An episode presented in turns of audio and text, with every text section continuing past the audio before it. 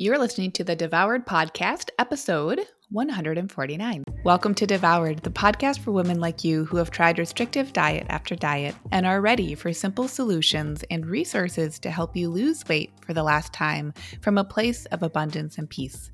If you're looking to end the yo yo of comfort eating and rigid weight loss protocols and instead step into living your life on your terms while losing weight in the process, you're in the right place. Okay, party people, this episode is inspired by a couple conversations that I've had with women recently who are curious about joining Lean and Liberated. And it's such a common sentiment that I speak about, like I reference it a lot, but I realized I could do a, a whole podcast episode. It wouldn't even have to be that long, and it would probably be really, really useful as you're starting to think about and separate the idea of weight loss and dieting and anti diet culture and your life. so, for backstory,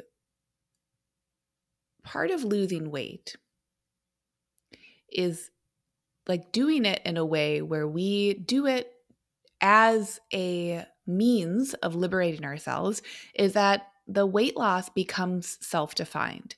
So, right then and there, I want you to understand that in and of itself, when we self define our weight loss, this means we're self defining the whole kit and caboodle. So sometimes, like if we're going to talk specifics, let's say that you weigh 170 pounds and you want to lose 20 pounds to get to 150, right? When I say self define your weight loss, at first glance, that might mean, oh, well, I want to lose 20 pounds to get to 150 because I don't like 170 or uh, whatever. Let's just use that as an example. But the deeper way to self define your weight loss might actually mean dismantling what you've made 170 mean and what 150 means to you. Because often, and not always, but often there might be stories that you've brought to the present moment around the value of 150 and the value of 170. And often, what that means is that 150 has a more positive value because of the influence of other people macro, like the world at large, or micro, like people who you've grown up around or who have had major influence on your life, you might be carrying stories that aren't as readily accessible as when at first glance. Doesn't mean that the stories aren't there though. And it also doesn't mean that the stories are some like deep subconscious sob story about your your most pressing traumas and like the beauty of self defining weight loss for yourself by yourself is that you start to be in charge. And so, if part of you being in charge means that old stories come up and out, great. if that means that that happens, say, for instance, in our first session together, awesome. Also, if that is not what is most liberating for you, as you begin a journey of losing weight, that is also awesome. And I want to point that out because I just, and I've said this here and there over the last couple of weeks, I find that the coaching industry really wants to give us new, quick, and easy results with like the twinge and lens of like, mindset, motivation, and manifestation and quantum leaps. And that can be true, but we can also honor that part of our own liberation is defining our own process and defining, and then as well, blowing our own minds, but defining ourselves, period. Because when we shift the energy from being defined by everyone else, by everyone else's lives, by everyone else's choices, in the sneaky little ways that we end up allowing other people to influence us. Because guess what? Let me also add that from an evolutionary standpoint, one of the safest things was to be in community with other people. So losing weight can feel like an affront. I think you see this a lot of times, you know, the classic example of having a, an in pandemic, this isn't really happening, I hope. but having, you know, walking into a party and like you have your own style of eating and it might not mesh with the food at that party and that might be triggering for other people or triggering for you because you don't want to say it or like you've already just kind of taken care of your food stuff. It's actually not too big of a deal for you, but like it is a big deal for other people and like part of this conversation and self-defining we have to remember that while we are spirits, we have these beautiful souls. We're also spirits in human bodies that have had a very long evolutionary process where they are seeking safety. And so part of safety is feeling like we fit in with different communities or cultures. So I want to lend a reminder that self defining your own weight loss, your own weight period, is an experience for you, and you can do that while also continuing to be safe in your community with your culture. There can be a stress response when we start to do something differently. And yes, part of, you know, I always say how we do one thing is how we do a lot of other things.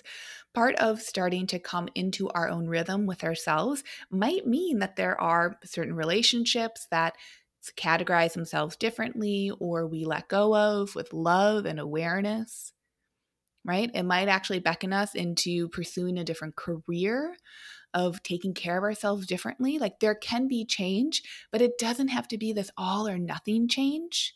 Like it's not like when we start to have like doses of self development that everything else in our whole lives is thrown out the window. Not at all. It's actually quite the opposite. There's going to be a deeper integration into ourselves and a deeper calling into of those who resonate with that.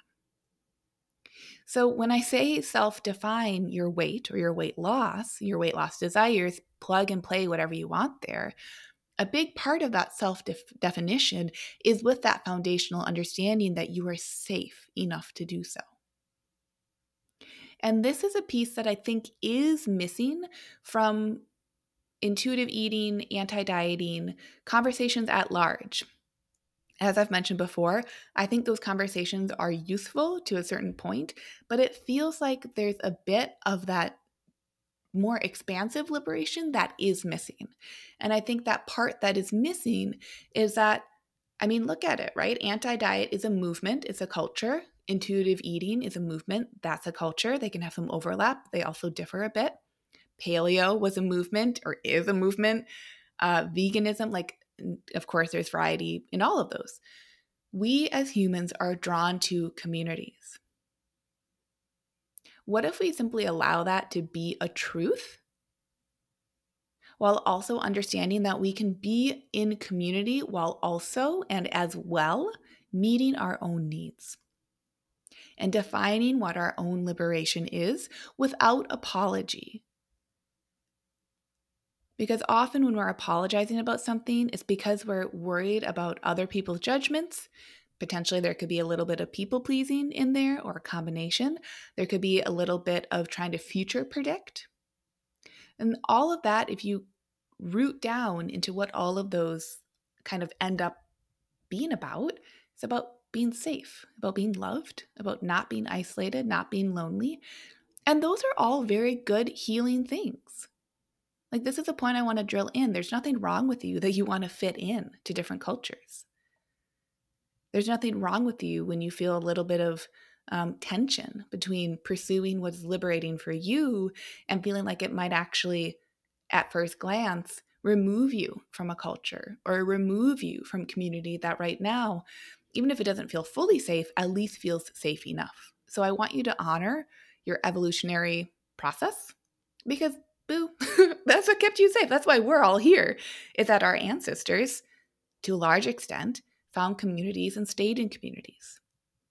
And I think it's very much an honor of this current era where we're like, whoa, never before in human history have we been allowed this level, not even of individualism, which I think is occurring right now, but this level of self directed autonomy that is so inherently freeing that it's like very novel. So, if we allow that novelty to simply be a privilege that we don't have to figure out a million times over and reflect on until we're like so sleepy we got to take a nap. What if we can simply allow all of those to be truths and continue to do our own thing anyway? Because here's the rub when you're looking to lose weight, I've had enough conversations with enough women over the years, nine out of 10 times, when we're like uncovering the reasons we want to lose weight is because we want to feel more like ourselves. Whether that means we want to feel that because we want to move in certain ways in our bodies, we want to reduce certain instances of things that don't feel so great in our bodies, right? Physical pain, we want to be able to have more activities we enjoy in our lives. That all still boils back to you want to feel more present in the moment. You want to have more experiences in your lives. I think that's one of the most beautiful things we could ever ask for in our lives. So, if a reduction in body fat opens up the opportunity for that without having to over explain or like add in all the caveats, you have the right to pursue that. That's just what I want to share with you all today. You get to self define your weight loss and not in the black and white, all or nothing thinking, but in this incredibly luscious and creative and like textured way. Because that's what your life is. That's what everyone's life is. Our lives are are like just so incredibly complex and beautiful because of that because that's the human experience. So of course a diet's going to feel shitty because it butts up against your human experience. A diet is like so damn stale and you're making a beautiful souffle that of course you never want to eat stale. Like souffle is life. Stale piece of bread, not so much. Of course you can make lemons out of or lemonade out of lemons, but like whatever. do you get what I'm saying here? You do get to self-define your weight loss. Weight loss does get to be okay.